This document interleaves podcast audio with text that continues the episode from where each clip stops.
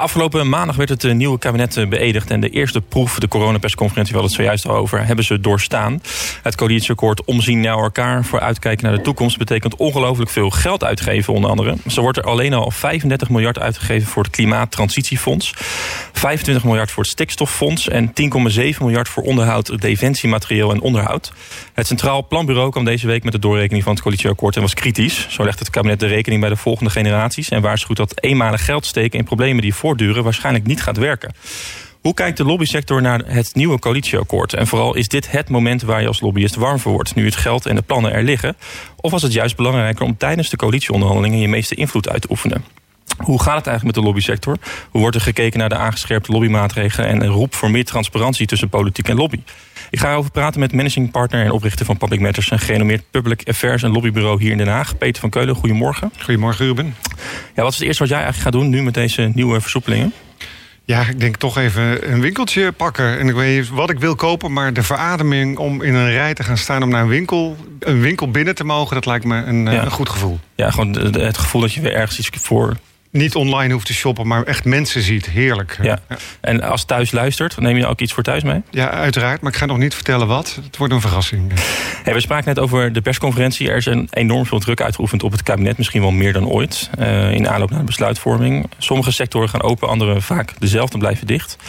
Um, kun je zeggen dat de winkels het dan beter hebben gedaan qua lobby dan de cultuursector? Nee, ik vind van niet. Dan wordt het ook een beetje ranking de lobbyist. En het, het zijn onvergelijkbare grootheden. Je kunt niet de horeca-lobby vergelijken met de cultuurlobby, met de mm. Retail-lobby. Feit is wel dat er meer dan ooit openbaar is gelobbyd. Er is in de aanloop naar eerdere persconferenties of besluiten van het kabinet ook heel intensief contact geweest met het kabinet of met ministeries. Maar nu is het ook heel erg via de openbaarheid uh, gelopen. Dat is denk ik het verschil. Maar je kunt niet zeggen de een heeft het beter gedaan dan de ander. Um, het is wel interessant dat veel sectoren in ons land ja, toch voor de pandemie weinig van doen hadden. Uh, met het lobbyen, überhaupt om open te kunnen. Uh, maar de laatste twee jaar ja, voor en achter de schermen hard aan het lobbyen zijn om maar te kunnen blijven bestaan. Uh, hoe, kijk jij daarnaar als lobbyist? Dat, dat sommige sectoren gewoon nu opeens ander werk op moeten doen om te lobbyen, om te blijven vechten voor überhaupt om, om, om te kunnen openen? Daar kijk ik heel dubbel naar. Al voor de coronapandemie zag je dat het aantal lobbyisten en, en lobbyen eh, op zichzelf, de intensiteit daarvan toenam. Um, en juist uh, corona heeft dat nog verder gestimuleerd. En in die eerste fase van de coronapandemie was het juist ontzettend belangrijk om lijntjes die je had, mensen die je kende, om gelijk te kunnen bellen. En daar zag je dat sectoren die dat die jaren daarvoor onvoldoende hadden gedaan, ook achteraan in de rij stonden. Nou, nu is dat een beetje gelijk getrokken. Heeft iedereen de lobby redelijk op orde. Maar die, die intensiteit toename is alleen nog maar sterker geworden. Dus er wordt nog meer gelobbyd dan ooit. Op allerlei verschillende manieren. Dus via de media, maar ook via informele contacten, via de Kamer, noem maar op. Is de besluitvorming van het kabinet te veel beïnvloedbaar door lobbyisten? Nee, te veel beïnvloedbaar kun je niet zeggen. Eh, wat mij betreft kan het niet beïnvloedbaar genoeg zijn. Want wat doen lobbyisten? Die dragen informatie bij om tot besluitvorming te komen. En daar is het principe van hoor en wederhoor ontzettend belangrijk. Zolang die politicus maar uiteindelijk de eindverantwoordelijk is om dat besluit te nemen. Ja, want een andere kritiek wat je vaak hoort bij het kabinet is dat ze heel erg meegaan met de beeldvorming. Hè? Dus, dus, dus heel erg eh, meebewegen met de maatschappij. Dan zijn ze weer te vroeg opengegaan, dan zijn ze weer te laat opengegaan. En heeft natuurlijk niet alleen maar te maken met hoe er gelobbyd wordt of hoe de draagvlak in de samenleving verandert. Maar dat is wel een kritiek die je vaak hoort. Ja, dat, en dat vind ik makkelijke kritiek. Okay. Neem maar eens een besluit als lid van het kabinet om te zeggen: nu gaan de winkels uh, dicht of nu gaan ze open. Ja, dat laatste is een makkelijker besluit. Ja. Uh, maar zij zijn eindverantwoordelijk om daarin in alle wijsheid besluiten te nemen. En dan vind ik het nog wel eens makkelijk dat er mensen zeggen: hoe kun je dit besluit nou nemen? Ja, dat doen ze niet om ondernemers te pesten. Daar, zit een, of daar heeft heel lang een gezondheidsaspect de boventoon gevoerd in de afweging van beleidsbeslissingen. Ja, dat zijn geen fijne besluiten voor ondernemers of voor, voor, voor mensen in het land ontzettend vervelend. Maar zij nemen die besluiten. En dat, daar heeft een lobbyist, die draagt daaraan bij om tot een besluit te komen. Maar uiteindelijk neemt die politicus, of nemen de ambtenaren ja. daarin de besluit. Die hebben daar uiteindelijk de verantwoordelijkheid uh, voor. Je hebt de uh, Public Manners in 2001 opgericht. Um, wat sprak je uh, zo aan en wat spreek je zo aan in het, in het, in het, in het vak? Het, het, het beïnvloeden of het, in het besluitvorming van, van wat hier in Den Haag uh, zich afspeelt? Ja, dat begint voor mij met het belang dat je zo breed mogelijk informatie moet kunnen uh, aandragen om tot besluitvorming te komen. En daar moet ieder belang in worden gehoord. Um, en om dat als buitenstaander te doen, hè, lobbyist die is niet deel van het officiële of het formele besluitvormingsproces. Hoe je dat van buiten kunt doen. Hoe je Mhm. informatie kunt bijdragen zodanig dat een besluit, besluit beter wordt genomen. Dat spreekt mij erin aan. Dat is de, de, de, de, de lobbykant. En daarnaast ook het, het spel daarbij natuurlijk. Van hoe komt dat tot stand? Op welk moment? Op welk moment moet je op welke manier, met welke boodschap iemand bereiken om ook die, die, die daadwerkelijke verandering van beleid tot stand eh, te Maar kunnen hoe zit dat brengen. spel in elkaar? Want dat, dat hoor je natuurlijk. Dat, eh, het lobby is ook soms een beetje. Ja, schimmig is niet het goede woord, maar dat vindt natuurlijk heel veel achter de schermen plaats.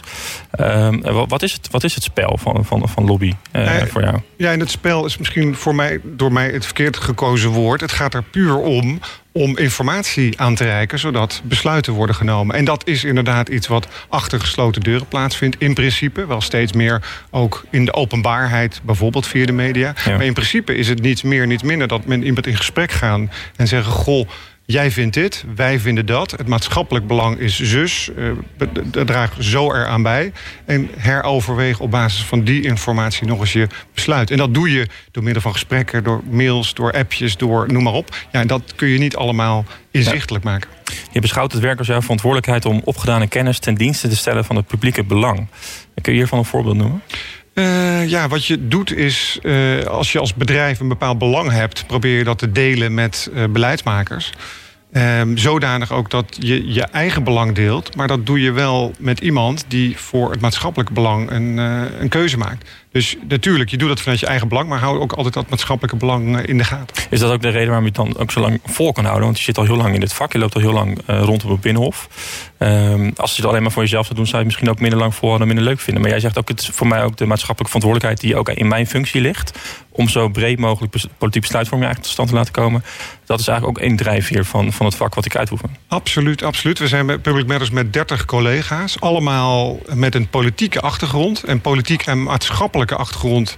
En dat is wat je drijft om besluitvorming een beetje beter te maken. En ja, dat doen we door bedrijven te ondersteunen. Maar ook maatschappelijke organisaties te ondersteunen. Of gemeentelijke organisaties te ondersteunen. Zodanig dat zij hun belang op de agenda van de Tweede Kamer of van ministeries kunnen Ja. zetten. En dat, dat maakt hopelijk beleid in Nederland een beetje beter. Eh, je hebt heel veel public affairs, eh, hoe lobbykantoren zich noemen. En, en, je, hebt- en jullie zeggen eigenlijk, we zijn een, een public affairs kantoor en een lobbykantoor. Wat, wat is voor jou het verschil tussen public affairs en, en lobby? Ja, zonder je te willen vervelen met eh, wetenschappelijke begripsdefinities. Maar wij onders- onderscheiden drie begrippen. Dus lobbyen, public affairs en stakeholder management. Nou, bij lobbyen gaat het echt om het contact met politici, met Tweede Kamerleden of gemeenteraadsleden, Europarlementariërs. Bij public affairs gaat het breder. Daar heb je contact met, eh, met bijvoorbeeld departementen, met ministeries eh, of met de Europese Commissie, ambtenaren daar. En bij stakeholder management gaat het echt om die laag daaromheen. Dus daar waar je stakeholders wil benaderen om die ambtenaren en die politici te beïnvloeden. Dus dan kun je Ja. denken aan media, aan maatschappelijke organisaties. Of Kan het naast elkaar blijven bestaan of is het in elkaar verweven? Nee, het is zeker in elkaar verwegen. Als je het in lagen ziet, stakeholder management is het allesomvattende begrip of het allesomvattende activiteit. En public affairs en lobbyen zijn daar onderdeel van. Ja. Hoe kijk jij naar het coalitieakkoord? Ja, dat is een hele brede vraag. Ja, hoe, nee, hoe kijk ik naar het coalitieakkoord? Het coalitieakkoord is een beetje ons bread and butter. Hè? Eh, wat, wat gaat er de komende jaren gebeuren met dat akkoord? Eh, en en ja, het akkoord is voor ons een slotstuk van verkiezingen. eh, een formeel slotstuk. Want ja, de, de, de lobby voor een coalitieakkoord die start al in feite. de- we, we hebben dat dan nu in 22 gepresenteerd gekregen. Eh, dat begon al bij de totstandkoming van verkiezingsprogrammacommissies. Dus dan heb je het over net na de zomer 20. Ja. Eh, waar je al bent gestart met de inhoudelijke basis als lobbyorganisatie. Met verkiezingen vervolgens, de coalitieonderhandelingen zelf. Eh, en, en daar ligt nu een stuk. Eh, en dan kijk je er beroepsgedeformeerd naar op twee manieren in feite. Wat staat er wel in en wat staat er niet in? Wat staat er wel in betekent als lobbyist je richten op, het nieuwe, op, op, op de nieuwe ministers en bewindspersonen die dat gaan uitvoeren. Hoe gaan ze het uitvoeren? Wat er niet in staat, daar ga je mee naar de Tweede Kamer om te kijken. Kun je daar toch nog iets mee op de agenda krijgen of juist niet? Is het ook kijken wat is er wel gelukt en wat is niet gelukt? Ja, natuurlijk. Ja, nee, het is ook een eh afvink-exercitie. Ja. En dan met een stofkam door die 50 pagina's gaan van... goh, opvallend, goh, jammer. En waar, waar ben jij nou echt, waar baal jij nou van? Dat het er Eh, niet in staat? Uh, ja, op zich maal ik daar nergens van. Zie ik als het er niet in staat de kans om te kijken of je het alsnog op de agenda kunt, uh, kunt krijgen. Er zaten wel wat opvallende zaken in. Ik vond uh, de gemeentelijke lobby een beetje ontbreken. Een mm. aantal gemeenten de afgelopen jaren kreeg veel ruimte in, in coalitieakkoorden of in regeerakkoorden, zoals ze daarvoor heten. En die stonden er wat minder in. Ja, daar trek je dan wat conclusies uit waarom dat zo is. Maar vooral ook wat kun je daar aan. aan ja, met de mensen als het niet gelukt is, dan bouwen niet, maar dan zie je weer nieuwe kansen. Ja, dat is eh, zoals ik als mens in elkaar zit en ook als vak ja. idioot misschien. Heb je nou meer invloed tijdens het, uh, het hele proces waar je, waar je net al iets van schetste, tijdens het maken, het schrijven van een coalitieakkoord? Of heb je nu eigenlijk veel meer basis waar je mee als lobbyist mee aan de slag kan gaan. Nu dat, nu het akkoord er ligt en nu ook ja, de financiële doorberekeningen er zijn. Bekend is voor jullie ook van oké, hoeveel geld ligt er op de plank? Vooropgesteld, je moet ook de invloed van lobbyisten niet overschatten. De lobbyisten zijn een van de stakeholders die proberen dat coalitieakkoord een beetje mooier te maken, een beetje te beïnvloeden. Uh, en op zich maakt het niet uit. Uh, ja, of is dat coalitieakkoord slechts een onderdeel van het gehele besluitvormingsproces. We zijn bijvoorbeeld nu ook bezig met de begroting voor 2023. Er komt een voorjaarsnota aan. Er ligt een startbrief van de minister van Financiën. Nou, in dat samenspel van documenten ga je nu kijken... wat staat er wel op de agenda, wat staat er niet op... en hoe kun je bepaalde onderwerpen wat naar voren halen... of wat, uh, wat later ingevoerd krijgen. Dus het coalitieakkoord moet je ook weer niet overschatten. In dat wat is een onderwerp, uh, want je doet dit al heel lang... wat is een onderwerp, een lobbyonderwerp... waar je eigenlijk uh, 10, 20 jaar geleden veel minder mee had... maar wat nu eigenlijk echt prominent op de agenda staat. En waar je dus ook ja, misschien wel meer mensen bij voor hebt binnengehaald om, om daarvoor te lobbyen. Ja, op zich zie je daar, um, volg je daar wat de markt vraagt uh, of waar de burger mee bezig is. Twintig jaar geleden waren we niet bezig met de tech-sector. Toen hadden we nog geen Twitter, bij wijze van spreken. Ja. Uh, dus daar zie je een intensiteit van het aantal lobbyisten toenemen. Niet alleen de wetgeving in Nederland neemt ook op dat vlak toe, maar ook internationaal in Amerika, in Brussel. Dus daar zie je wel accentverschuivingen, ook in het regeerakkoord. En dat gaat zover tot een maatregel van dat Nederland graag uh, koploper wil zijn op, in die techsector. Maar ook zegt dat we wat meer regie op de datacenters moeten gaan invoeren. Dus daar zie je vanuit een macro-perspectief hele specifieke microbeleidsopvattingen. Nou, daar kijk je nu als lobbyorganisatie naar. Wij doen heel veel in de zorg. In de, en daar gebeurde al heel veel. En daar gebeurt nog steeds heel veel uh, nu. En daar is uiteraard uh, corona heeft daar ook weer impact op. Hoe we met concentratie van zorg omgaan. Ja. Hoe, maar het is heel belangrijk als lobbyist om op vooruit te kijken. Dus wat de trends en ontwikkelingen zijn. Dus eigenlijk weet jij, je bent nu al bezig met de begroting van volgend jaar.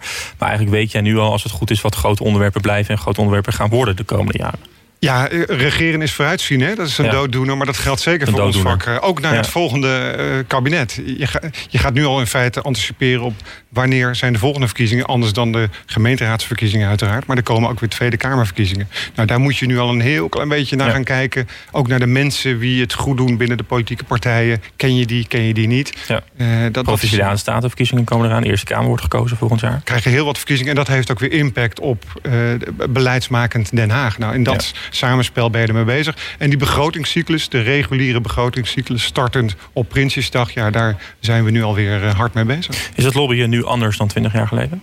Absoluut. Uh, er zijn meer lobbyisten. De complexiteit van beleid en besluitvorming is enorm toegenomen. Uh, er vindt veel meer plaats via social media, via media, noem maar op. Uh, er is veel meer aandacht voor de vorm van uh, het standpunt overdragen en wat minder voor inhoud. Dus dat vak is heel erg veranderd. Tegelijkertijd is er ook één ding hetzelfde gebleven, namelijk het belang om mensen te kennen. Dat, ja. je mensen in Den Haag, dat ze je moeten vertrouwen als je ze informatie aanreikt, dat is absoluut onveranderd gebleven. Dat is niet iets wat je op, op, op, een, op een nachtijs doet, volgens mij. Vertrouwen, dat gaat uh, dat, ja, dat, dat, moet je echt ophouden, denk ik. Ophouden, inderdaad. En ja. uh, als je het verliest, ben je het ook voor altijd kwijt. Dus dat is heel broos, dat vertrouwen.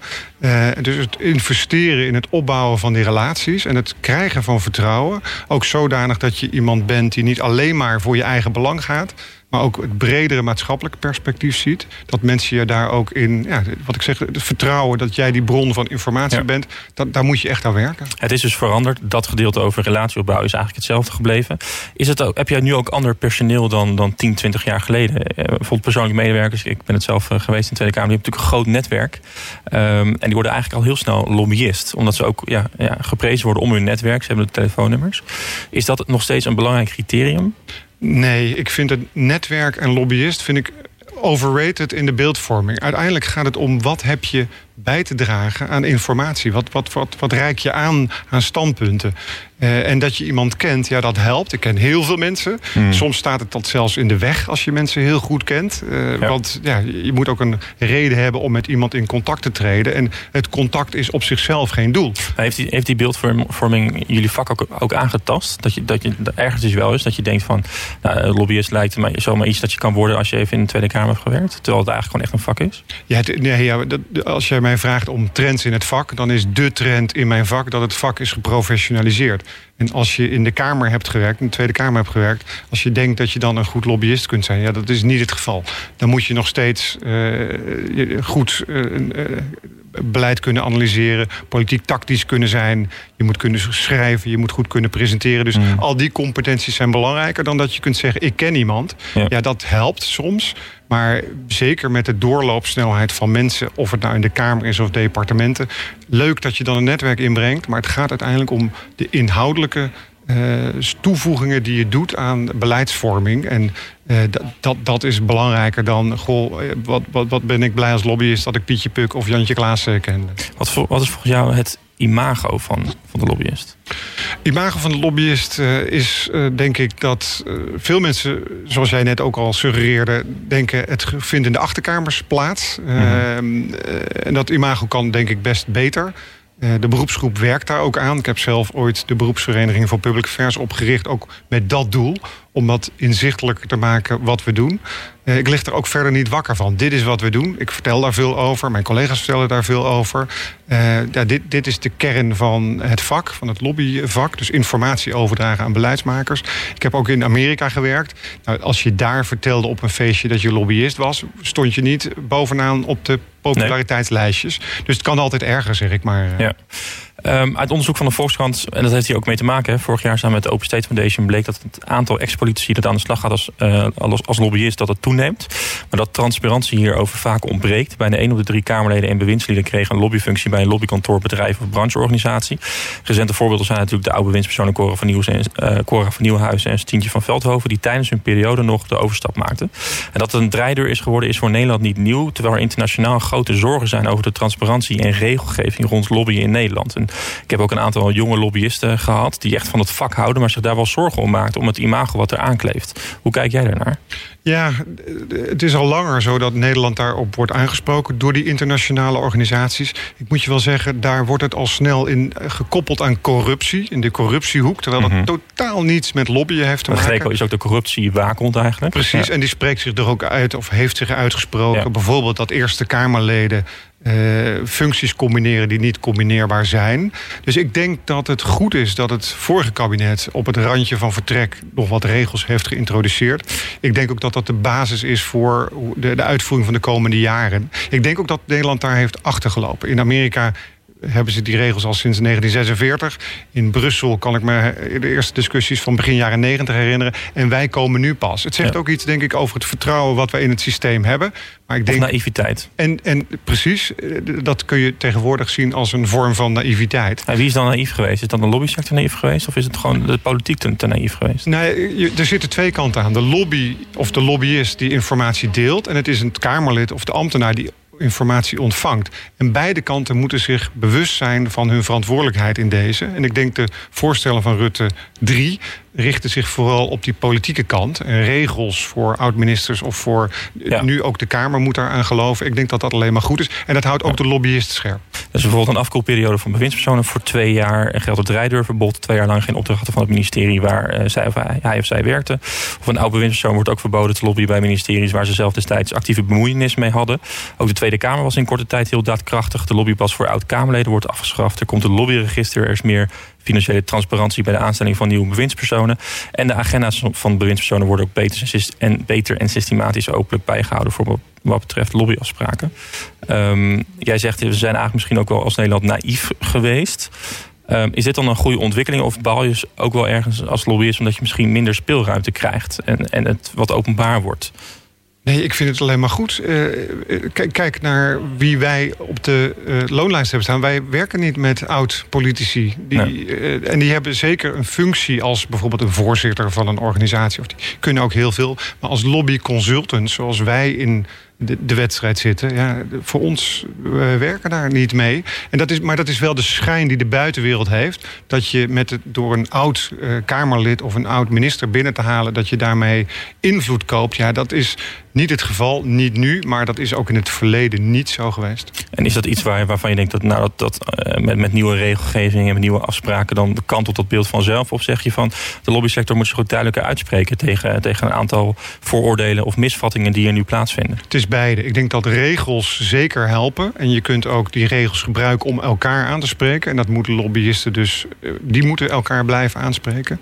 Eh, maar ik denk ook dat we moeten blijven vertellen wat we doen. En hoe doe jij dat? Door met met jou te praten. Door af en toe te schrijven en elkaar op te challengen. En, en dat is denk ik van belang. Ook bij de beroepsvereniging waar het over had. Daar is een commissie waar stelt toch dat er situaties zich voordoen die niet door de beugel kunnen of getoetst moeten worden, dan spreken wij ons daar in collegialiteit op aan. En daar kun je ook vervolgens op de website van de beroepsvereniging over lezen hoe we dat hebben gedaan. En ik denk dat dat deel uitmaakt van ja, toch het verbeteren van de beeldvorming van het vak.